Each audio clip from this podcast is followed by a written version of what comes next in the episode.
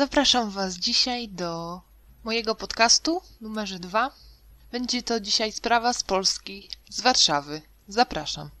Włodzimierz Z to 50-paroletni emerytowany nauczyciel informatyki. Pracował w liceum ogólnokształcącym na Bielanach w Warszawie. Był pośmiewiskiem całej szkoły i klasy. Czytając fora uczniowskie o nim, nie znaleziono oczywiście przed sprawą żadnej pozytywnej informacji. Nikt z nim nie sympatyzował. Chodził często w garniturze z lat siedemdziesiątych. Bywał często brudny. Oczywiście nie chodzi tutaj o pana Włodka, żeby nie było. Nie traktowano go z szacunkiem, robiono z niego często żarty na lekcjach. Zdarzyła się pewna sytuacja, gdy już po prostu nie wytrzymał, poszedł do dyrekcji, a dyrekcja go opieprzyła, że sobie nie radzi właśnie z młodzieżą. Ale pan Włodzimierz jednak tkwił w tym, zrezygnował, dalej uczył, dalej był pośmiewiskiem.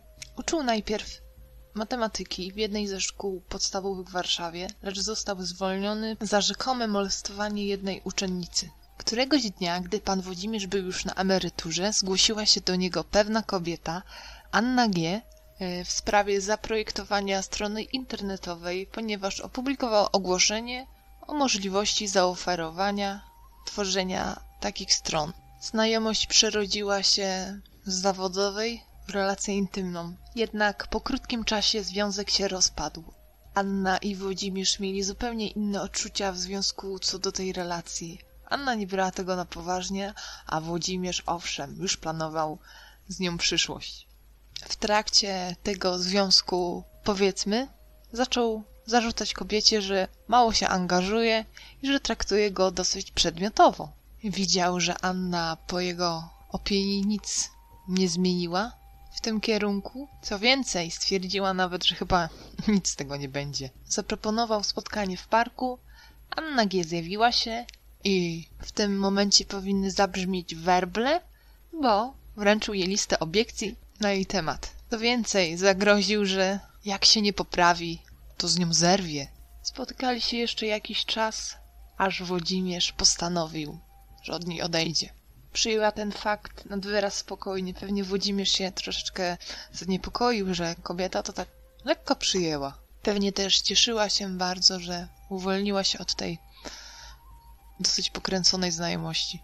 Jednak mężczyzna po jakimś czasie zrozumiał, że nie zaakceptował tej wiadomości do siebie, więc postanowił Annę śledzić.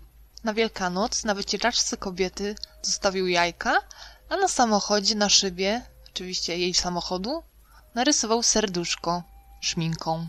Przynosił jej kwiaty, przynosił jedzenie pod drzwiami mieszkania kobiety, obserwował ją, robił jej zdjęcia, a potem te zdjęcia jej wysyłał. Zadręczał ją także mailami i SMS-ami. Wysyłał nawet wiadomości do jej znajomych, podając się za nią. Zgłosiła wszystkie te sytuacje na policję, ale on nadal nic sobie z tego nie robił. Nawet jej ojcu mówił, że kobieta ma problemy psychiczne.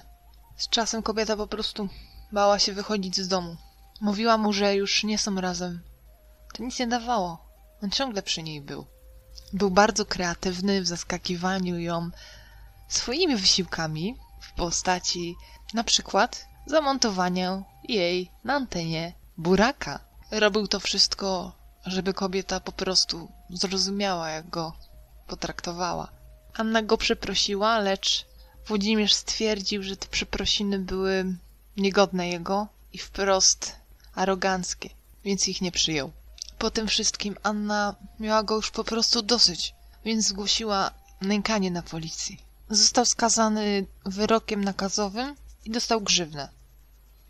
Nie było traktowane to jak przestępstwo, bo w 2009 roku, gdy akcja wtedy się dzieje, stalking w Polsce nie był traktowany jako przestępstwo, lecz jako wykroczenie. Włodzimierz nie zapłacił tej grzywny, choć było to tylko 400 złotych. Przez y, niezapłacenie jej komornik zwyczajnie przejął tą sprawę, co w najbliższym czasie mogło skutkować zajęciem jego konta przez komornika, albo mógł komornik odwiedzić go w jego domu i zabrać pewne przedmioty. I teraz kluczowy moment. Po liście od komornika zabrał się za zrobienie samodziała w postaci strzelającego długopisu. Tworząc go, ponoć spożywał przez ten cały czas alkohol. Chciał popełnić samobójstwo, ale jednak był na tyle napity, że jednak plan i pomysł nie udało mu się urzeczywistnić. Oczywiście chciał się za pomocą tego długopisu y, zabić. Nazajutrz, 19 lutego 2009 roku, spakował torbę. Włożył do niej termos, koc, przybory higieniczne, opisany wyżej długopis i szpikulec własnoręcznie zmontowany o wyglądzie gwoździa. Pojechał do śródmieścia z pakunkiem, bo tam mieszkała Anna G., lecz nie mógł wejść, bo nie miał klucza do klatki schodowej, więc czekał, aż ktoś będzie wychodził albo wchodził i się wślizgnął. Tam czekał na Annę. Poszedł na półpiętro nad mieszkaniem Anny, na trzecim piętrze i tam na nią czekał. Pojawiła się około godziny 19.30. Zaczęła otwierać drzwi, usłyszała coś, odwróciła się i w tym momencie Włodzimierz ją zaatakował. Rzucił się na nią ze szpikulcem, przytrzymując przy tym jej rękę. Ciosów było około 20 w głowę. Na szczęście żadne nie przebiły czaszki, lecz nie były to też lekkie ciosy. Anna upadła na posadzkę, wtedy Włodzimierz zaczął kopać ją po głowie. Po jednym ciosie kobieta przestała słyszeć, ale mimo to krzyczała i wołała o pomoc. Pojawiła się po tym, po tym na pewno wołaniu pomoc starsza sąsiadka, która starała się odciągnąć napastnika, ale widząc, że sobie z nim nie poradzi, wróciła do domu.